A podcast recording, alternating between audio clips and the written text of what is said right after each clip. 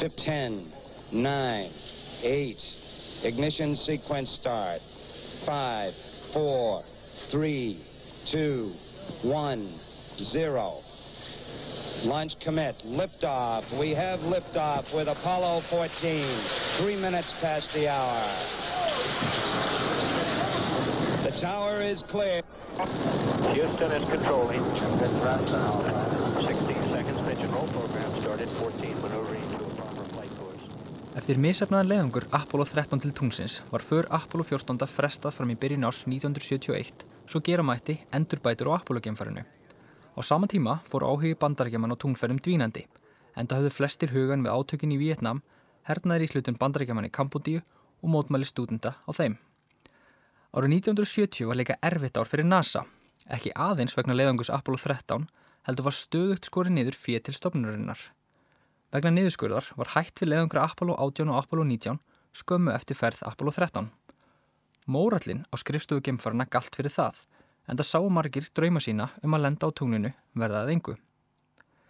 Sunnudaginn 31. januar 1971 hófst fyrsta mannaða geimferð þess ás og sjötta tungferð bandaríkjumanna þegar Apollo 14 var skótað loft með þeim Alan Shepard, Stuart Rúsa og Edgar Mitchell um borð. Þreimenningarnir hafðu æft sig fyrir tungferðina í 19 mánuði, lengur en nokkur önnur Apollo áhöfn.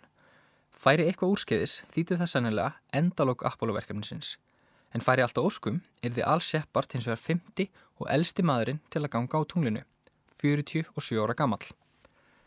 Tíu árum fyrr, í mæ árið 1961, settist Alan Shepard upp í mörkuri geimfar sitt og beigð þess að verða fyrsti geimfar í bandaríkjamanna.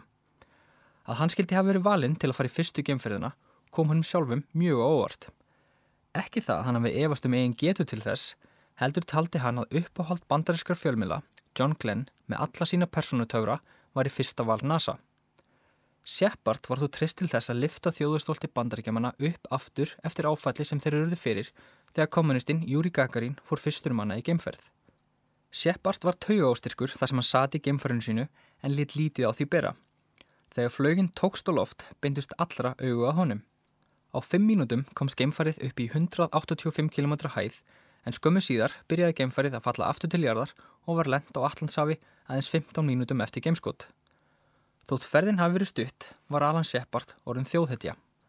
Shepard fættist í New Hampshire árið 1923, svonur hersöfðingja og afkomandi skipverja af Mayflower. Hann ólst upp á Bondabæ og átti fyrir mjög dæmigerað æsku sem þó engendist af mikilli vinnusemi og dugnaði. Til að eignast hluti var hann að vinna fyrir þeim. Til að mynda sapnaði hann sér fyrir hjóli með því að ber út blöð og selja kjúklinga með hjálp ömmu sinnar. Alan Shepard var bráðger og skaraði fram úr skóla. Sér í lagi lág starffræði vel fyrir honum. Barnungur fekk hann brennandi áhuga á flugvelum og var Charles Lindbergh hetjan hans. Shepard gekk í flótaskólan og laug prófi í verkfræði árið 1944. Sama ár þjónaði hann á tundurspilli í Kirrahafi í loksetni heimstyrjaldarinnar. Tveimur árum síðar hóf hann að læra flug hjá sjóhernum og kynntist þar því að lenda á flugmöðuskipum. Þar fekk hann það orð á sig að vera kapsamur og metnaðgjart en líka doldið hrókafullur og með sjálfströstið í lægi. Árið 1950 gerist hann tilrunaflugmar hjá sjóhernum í Paxi River og nýju árum síðar var hann valinn fyrsta geimfara hóp bandaríkina sem fadur hans var reyndar ekkert sérstaklega ánað með. Alan Shepard var flókin maður. Hann var þögull og fálótur og forðaðist sviðsljósið. Hann helt fólki jafnan í hæfilegri fjarlag frá sér, jafnvel vinum sínum, en um leið og hann hleyfti fólki að sér var hann vinur fyrir lífstíð. Segja má að Alan Shepard hafi verið tveir personuleikar því hann gatt skeittskapi á sveip stundu. Eina stundina gatt að verið brosandi og gladur en þá næstu ískaldur og strangur harstjóri sem sarði jafnvel fólk með orðum sínum. Mörgum þótti hann því dálitið óræður og jafnvel kúandi persona, maður sem fólk bar óttablendna verðingu fyrir. Fyrsta ferð Shepard hús í geiminn var stutt og gatt hann vart beðið eftir því að fara aftur. 15 mínútur voru ekki nóg til að svala forvitni þessa kapsama manns. Þegar mörkir verkefninu lauk átti Shepard að stýra fyrstu geimferð Gemini verkefnisins sömari 1965. Hann hafði æft fyrir geimferðina í nokkra mánuði þegar hann vaknaði morgun einn, gekk inn á baðherbyggi sitt og misti allt í apvæðiskinn. Hann stóð vart í lappinnar, honum svimaði og fann fyrir mikilli ógleði og kastaði upp. Fyrst held hann að þetta var bara timburmenn eða flensa en þegar sama tilfinning heldist yfir hann trekk í trekk ákvað hann með trega að leita til læknis NASA. Í ljós koma Seppart þjáðist af Meniers sjúkdómnum sem leggst á innra eirað og hefur áhrif á jafnvægiskinnið. Lif gáttu stjórna sveimanum sem fylgdi sjúkdómum en á þessum tíma var engin lækning til við honum. Geimfari varða hafa jafnvægiskinni í lagi. Shepard var kyrsettur og meinað að fara í fleiri geimferðir. Verra var þó að hann mátt ekki heldur fljúa. Shepard ætlaði sér hins vegar alltaf aftur í geimferð og vonaðist til að sjúkdómurinn myndi læknast á sjálfu sér. Vinur hans og félagi, Deke Slayton, annar af mörkur í geimförunum sjö, var yfirmæður hans og geimfarana og bauð Shepard að vera sín hægri hönd og nokkus konar skrifstofustjóri geimfarana. Saman myndu þeir velja áhafnir og hafa umsjón með þjálfun og starfi geimfarana. Til að fylla upp í tómi sem myndaðist þegar hann mátt ekki fljúa, ákvað Shepard að hella sér út í viðskipti. Þar stóð hann sér bara bísna vel, en það vel tengdur eftir mörkjurgeimferðina sína. Fyrir hádegi vann hann á skrifstofu geimfarana og syndi viðskiptunum eftir hádegi. Þrátt fyrir að vera á góðri leið með að verða miljónamarengur, þráði Shepard það eitt að komast í aðra geimferð. Voruð 1968 var geimfaraferillin nánast á enda hjá honum. Sjúkdómurinn hafði ágerst og hann svo tilbúin að missa heyrnina í vinstra eira þegar Tom Stafford geimfari bankaði upp á skrifstofu hans. Stafford saði honum frá vini sínum, lækni í Los Angeles, doktor Hásanabni, sem hafi fundið upp aðferð til að minna bug á sjúkdómnum með því að setja röri í eirað til að losa vöku á því. Shepard var fullur evasemda, en þegar hann hafði engu að tapa, rætti hann við læknin og laðist henn á spítali í Los Angeles undir dullnemni til að veki ekki aðtikli. Shepard gegst undir aðgerina sem hefnaðist fullkomlega. Shepard var breyttur maður eftir aðgerina. Hann rætti við vinn sín Dík Sleiton og vildi fá að stýra fyrsta Apollo-leðangri sem gæfist, sem svo vildi til á þeim tíma var Apollo 13. Þegar orðrumur um það komst á kreik meðal geimfarna fór það misvel í menn. Sumum gramdist að Shepard geti gengið beint í aðaláhöfn án þess að vera í varáhöfn eins og allir aðrir. En það var tómt mál að tala um það. Ef Dík Sleiton sagði að Alan Shepard var í hæfur, var það útrætt mál. Slayton læði til við NASA að Shepard er í leiðangustjóri Apollo 13 en í fyrsta sinn var Óskans hafnað í Washington. Yfirmenn hjá NASA vildu meina að Shepard þurfti meiri tíma til æfinga áður en hann færi aftur í aðra geimferð. Ekki var um annað að ræða en að svissa á áhaupnum Apollo 13 og Apollo 14. Jim Lovell og áhaupn hans flýi Apollo 13 en Al Shepard og áhaupn hans Apollo 14. Allir voru gladir með þessa niðurstöðu þangar til tveir dagar voru liðinir að ferð Apollo 13. Shepard fekk ekki aðeins að gera sjálfan sig að leiðangustjóra á tungferðar, heldur fekk hann að velja sína áhöfn sjálfur. Dag 1 árið 1969 kallaði Shepard og nýliðina Stuart Rúsa og Edgar Mitchell til sín á skrifstofu sína. Hann tók skæl brosandi á mótið þeim og spurði hvort þeir vildu fara með gömlu manni til tungsins. Rúsa og Mitchell trúðu var sínum eigin eirum. Engin nýliði hafi farið beint í aðal áhöfn Apollo leiðangus án þess að vera í vara áöfn áður. Stjórn Rúsa, þessi granni, rauðharði, íhaldsami og þjóðrækni söðuríkjamaður átti að vera flugmaður stjórnfarsins. Rúsa var fyrirtagsflugmaður sem Shepard tristi fullkomlega. Hann gekk til liðs við NASA árið 1966 en áður hafði hann verið falljóstökkvari, nokkus konar reikstökkvari hjá skórakt bandaríkjana í Oregon og hafði þá það hlutverk að slökka skóarelda. Eftir þetta ævintýrlega starf gekk Rúsa til liðs við flugherrin og var það skipaður í háleinilegan hóp flugmanna sem æfði fyrir þið óhugsandi, kjarnorku stríð við Sovjetríkin. Rúsa var þjálfaður til þess að fljúa inn í Sovjetríkin frá herstöð í vestur Þískalandi til að varpa kjarnorkusprengjum. Vélarnar sem þeir átt að fljúa hafði hins vegar ekki nægt eldsniti til að snúa allarleið tilbaka. Flugmenninir áttu því að fljúa eins langt frá sprengjusvæðin og undvar og skjóta sig séðan út úr flugvelunum nokkur hundru kílometra frá herstöðinni og ganga tilbaka. Rúsa bar mikla virðingu fyrir Alan Shepard.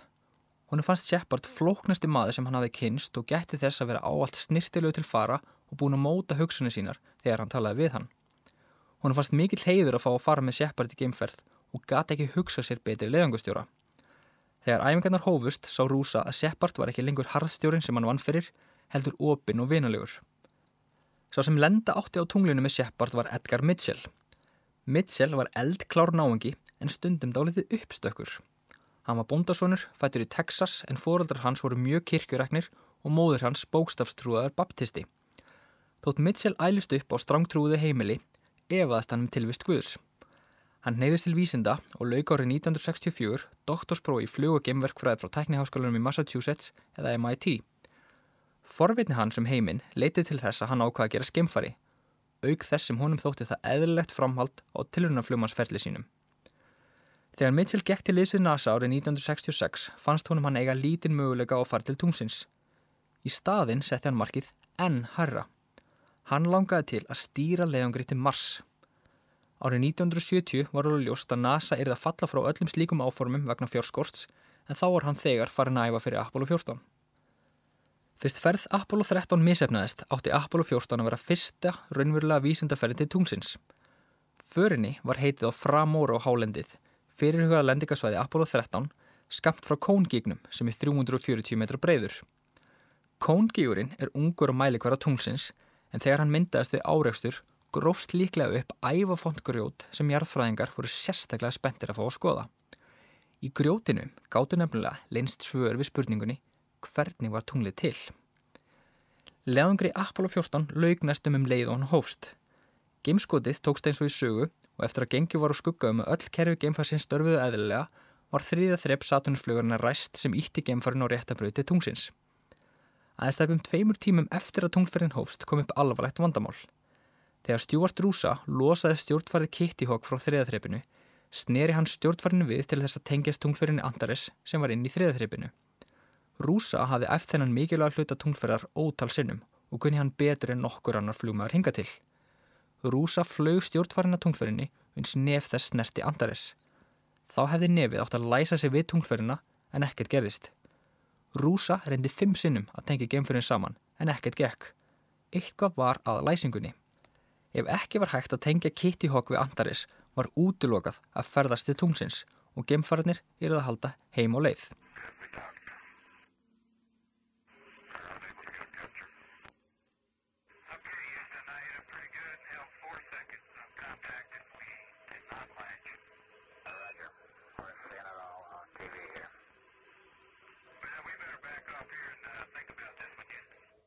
Shepard var þó ekki á því að gefast upp.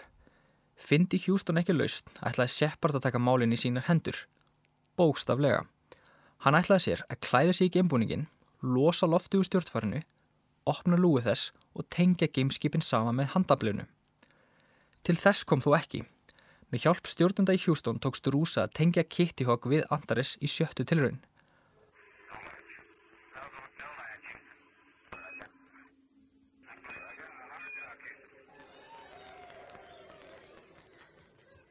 Öllum var létt en menn höfðu samt ágjörðu því að sama vandamál kemi upp á brautum tunglið. Ef svo færi, þyrstu Shepard og Mitchell að fara í geimgöngu úr tunglferinu í stjórnfarið eða kemist þeir ekki aftur til jarðar. Eftir þetta gerist fátt annað markvert á leiðinni til tungsins. Geimfarnir sendu heimilustörfunum, fóru yfir flugallununa og kvíldu sig. Á hverju nóttu, á meðan félagar hans sváfu, gerði Ed Mitchell þó tilraun sem korki starfsmenn NASA eða aðri geimfarar vissu af. Mitchell hafði lengi heitlast af dulsbyggi. Hún þótti skegning á að sérstaklega áhugaverð og taldi vísindi ekki að neinar trúverðu og skýringar á henni. Á leiðinni til tungsins ákvað hann að kannakort mögulegt væri að senda hugsanir sína til manna á jörðinni úr nokkur hundru þúsund kilómetra fjarlægð. Á meðan ferðafélagar hans sváfu helt Mitchell á vasaljósi í sveppókunum sínum og skoðaði spjöld með ýmsum minnstrum sem nótuð er í dulskinunum prófum. Hann einbeitti sér að myndunum í nokkar sekundur og reyndi að miðla þeim til þryggjamanna á jörðinni. Fjórum dögum eftir gemskot var Apollo 14 komið að brautum tunglið.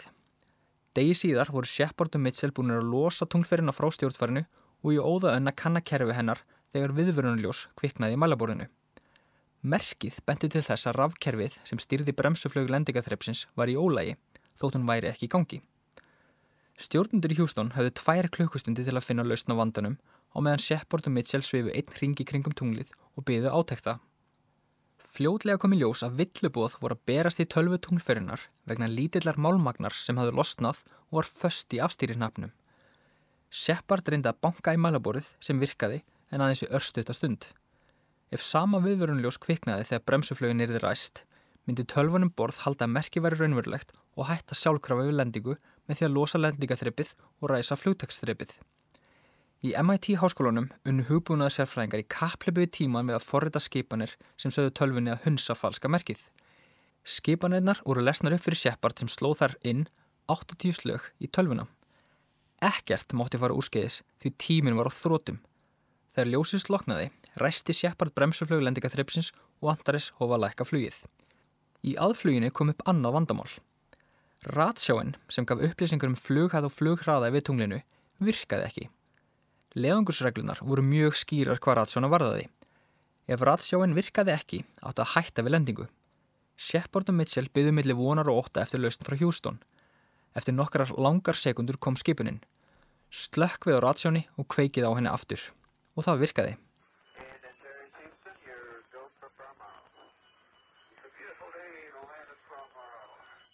Þegar ratsjáin var komin í gang, lækkaði Antares flugið hratt.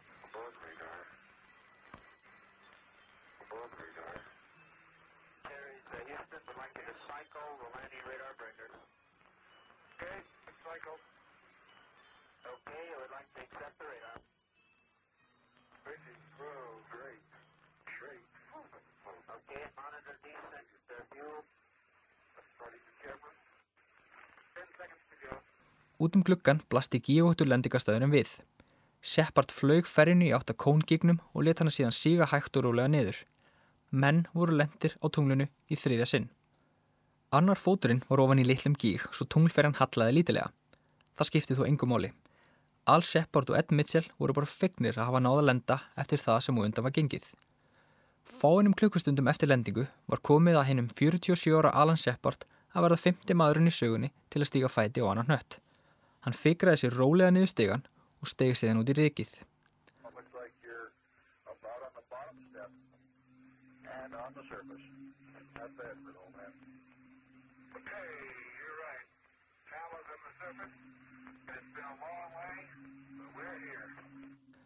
Ferðin hefur verið laung en hér erum við, sagði Shepard. Ekki slæmt fyrir gamla mann, svaraði Bruce McCandless í stjórnstöðin í Houston. Þar sem Al Shepard stóði í loftlausiri auðnin á tunglinu, leita hann upp í kolsvartan heiminin. Fyrir ofan tunglferina var jörðin, blá, björt og fögur sigð. Shepard þótti fegurt móðurjarðar svo yfirþyrmandi að hann átti erfitt með sig og tár streymdu niður kennanar. Þetta var þó ekki rétti tími til að skæla. Al og Ed höfðu mikið verk fyrir höndum. Í fyrsta sinn var litmyndum sjónvarpa til jarðar frá yfirborðu tungsins og síndu þær að landslæð og framóró var mun tegnarlegra en á fyrir lendingastöðum. Fyrsta verk á dagskrá var að setja upp vísindatækin. Fyrst settu þeir upp álsegl til solvindsmælinga eins og Níl og Böss og Pít og Al hafðu gert í Apollo 11 og Apollo 12 og komið síðan öðrum vísindabúnaði fyrir í hæfilegri fjarlag frá tungferðinni. Þar að meðal tveimur skjáltamælum og leysispegli fyrir fjarlagmælingar frá jörðinni. Mitchell notaði sérstakann slaghamar með litlum púðurskotum til að senda höggbylgir ofan í efstu lög yfirborsins. Bylgjurnar komu fram á skjáltamælunum og gerði vísindamunum kleift að mæla þygt og þjættleika efstu yfirborslagana. Eftir fimm klukkustunda tunglgöngu heldu Al og Ed aftur inn í tunglferina til að kvílast. Þeir höfðu þá sapnað rúmum 20 kíló með bergsinum og tekið fjölda mynda. Á meðan Al Shepard og Ed Mitchell spíksporuðu mánan sveif Stuart Rúsa í 100 km hæði við tunglinu. Þar syndi hann jarðfræðilegum aðtugunum og tók myndir í gríð og ergi leitað ummerkjum um eldgós á tunglinu. Tunglið var svo stórbrotið. Þarna var svo margt að sjá. Hann óskaði þess heitast að fá bara að horfa út um klukkan og njóta útsýnisins. Rúsa hafði með sér 500 fræja 5 trjátegundum til tungsins vegna tengsla hans við skórektin í bandaríkinum. Eftir tunglferðina voru fræin gróður sett í bandaríkinum og víðar og tungltrið spruttu upp af þeim. Dæin eftir hófti setin tunglgangan Í þetta sinn var takmarkið að komast upp á barm Kóngíksins sem var réttur um hann kílometra frá tunglferinni og aðal ástað þess að jarðfræðingar völdu þennan lendingastað. Við gígbarminn byggust jarðfræðingar við að finna elsta berg tunglsins. Til að komast þangað urðu tunglfarnir að ganga upp hlýð hans sem reys rúma 100 metra yfir slettuna í kring.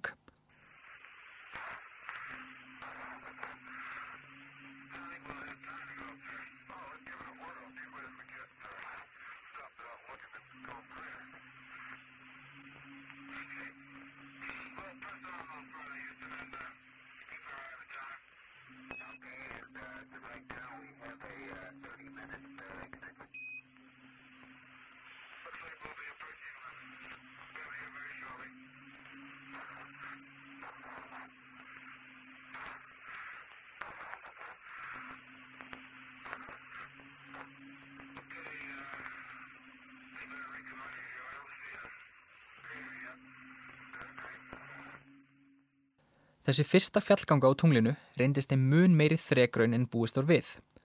Að ganga upp bratta hlýð gíksins í stífum gemgunningnum var mjög þreytandi. Næsta ómögulegt var að beita hnjánum á sama hátt og venjuleg manneska gerir í fjallgöngu á jörðinni. Yfirborðið reyndist löst í sér, stórgríkt og gígótt. Í eftir drægi höfðu þeir litla kerru, nokkus konar hjólburur, sem þeir nótuð til að sapna sínum. Kerran állið þeim miklum vandræðum. Erfitt var að halda henni stöðuri á ójöfnu yfirborðinu. Þeir eruðu að þræða fyrir gíga og stórbjörg og halda fast í keruna svo hún ildi ekki í veikum þingdakrafti tungsins, svo ferðin sótist seint og tók þreita að sækja mjög á þá. Vandin var þó aðalega sá og þeir vissi ekki hvar þeir voru. Í loftleysinu á tunglinu er afar erfitt að gera sér grein fyrir fjarlæðum, þar sem ekkert er til viðmiðunar og útsinnið kristaltært. Þó þeir hefðu með sér kort vistist ómögulegt að lesa af því á tunglinu. Í hvert sinn sem þeir stóðu á hrygg, lítu yfir svæð og byggustu að sjá gígbarminn komu þeir hvergi auga á hann. Aðeins fleiri hryggi og meira grjót. Þeir vörðu drjúum tíma í að reyna að leita gígbarminum en á lokum var tíman á þrótum og könnuðinni frá jörðinni urða játa sér sigurðaða. Myndir sem teknar voru síðar af lendingarsvæðinu sína að þeir snýru við aðeins 30 metra frá gígbarminum. Ferðin niður var mun auðveldari. Þeir stoppuð á stökustad til að sapna sínum og taka myndir. Þegar þeir snýru aftur á tungferinu hafðu þeir uppfyllt næstum öll markmið leðangursins. Alan Shepard átti þó eftir að ljúka einu persónlugu markmiði sem var ekki ferða áalluninni en hann hafði ákveðið við æfingarnar í jörðinni. Á sjónvarpskjánum sást Alan Shepard standa við hlið ferðarfélagsins fyrir framann tunglförina og loftnett. Hann tegði sig ofan í vasan á skítugum búningnum, tók upp golfkúlu sem hann hafði smikla með og lit falla niður í tunglrikið. Shepard hafði líka smikla sexjárni til tungsins og notaði það til að breyta handfanginu í golfkilfu. Gimbúningurinn var of stífur til að hann geti haldið rétt á kilfunni en með annari hendi sveiplaði hann kilfunni tvisar til að hita upp eða kannski hitt hann bara ekki kúluna. Í þriðju sveiplunni flög kúlan hátt og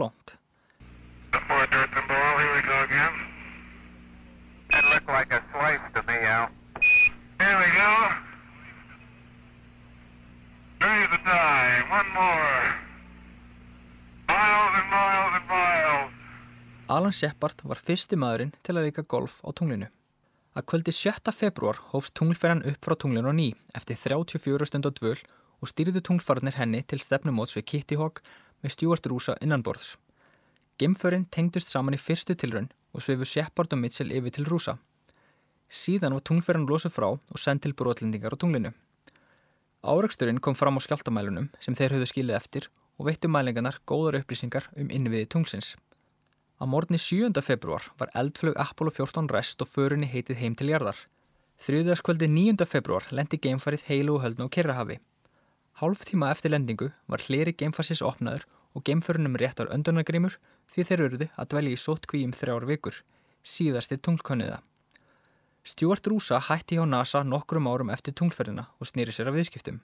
Hann lést árið 1994, 61 árs aldri, úr brísbólgu. Alan Shepard hætti á NASA þreymur árum eftir tungferðina. Hann hafði þá unni hjá stopninni í 15 ár. Eftir það sendi hann viðskiptum, efnaðist mjög af þeim og varð raunar fyrst í gemfærin sem varð miljónumarengur. Hann naut lífsins, ferðaðist og leik golf í frístundum. Árið 1998 lést hann að völdum kvítblæðis, 74 árað aldri. Fimm vikum síðar lést kona hans að völdum hjartaáfalls. Edgar Mitchell hætti hjá NASA árið 1972 og snýri sér aðala að áhuga málum sínum, andlegum og dullrænum málöfnum. Hann heldur því fram að hann hafi læknast á krabbamenn í nýrum með fjárheilun, þótt hann hafi raun aldrei greinst með meinnið. Mitchell heldur því líka fram ofinberlega að mestur hluti fljúandi förðluta séu gestir frá öðrum plánundum. Edgar Mitchell er einið eftirlífandi gemfærin og er áhöfn Apollo 14. Hálfu ári eftir velhæfnaðan leðungur Apollo 14 var komið að Dave Scott, Jim Irvin og Ron Evans að heimsíkja nýjan stað á tunglinu. Stað sem var enn stórbrotnari enn fram Moro og í fyrsta sinn var bíl hafður með í förr.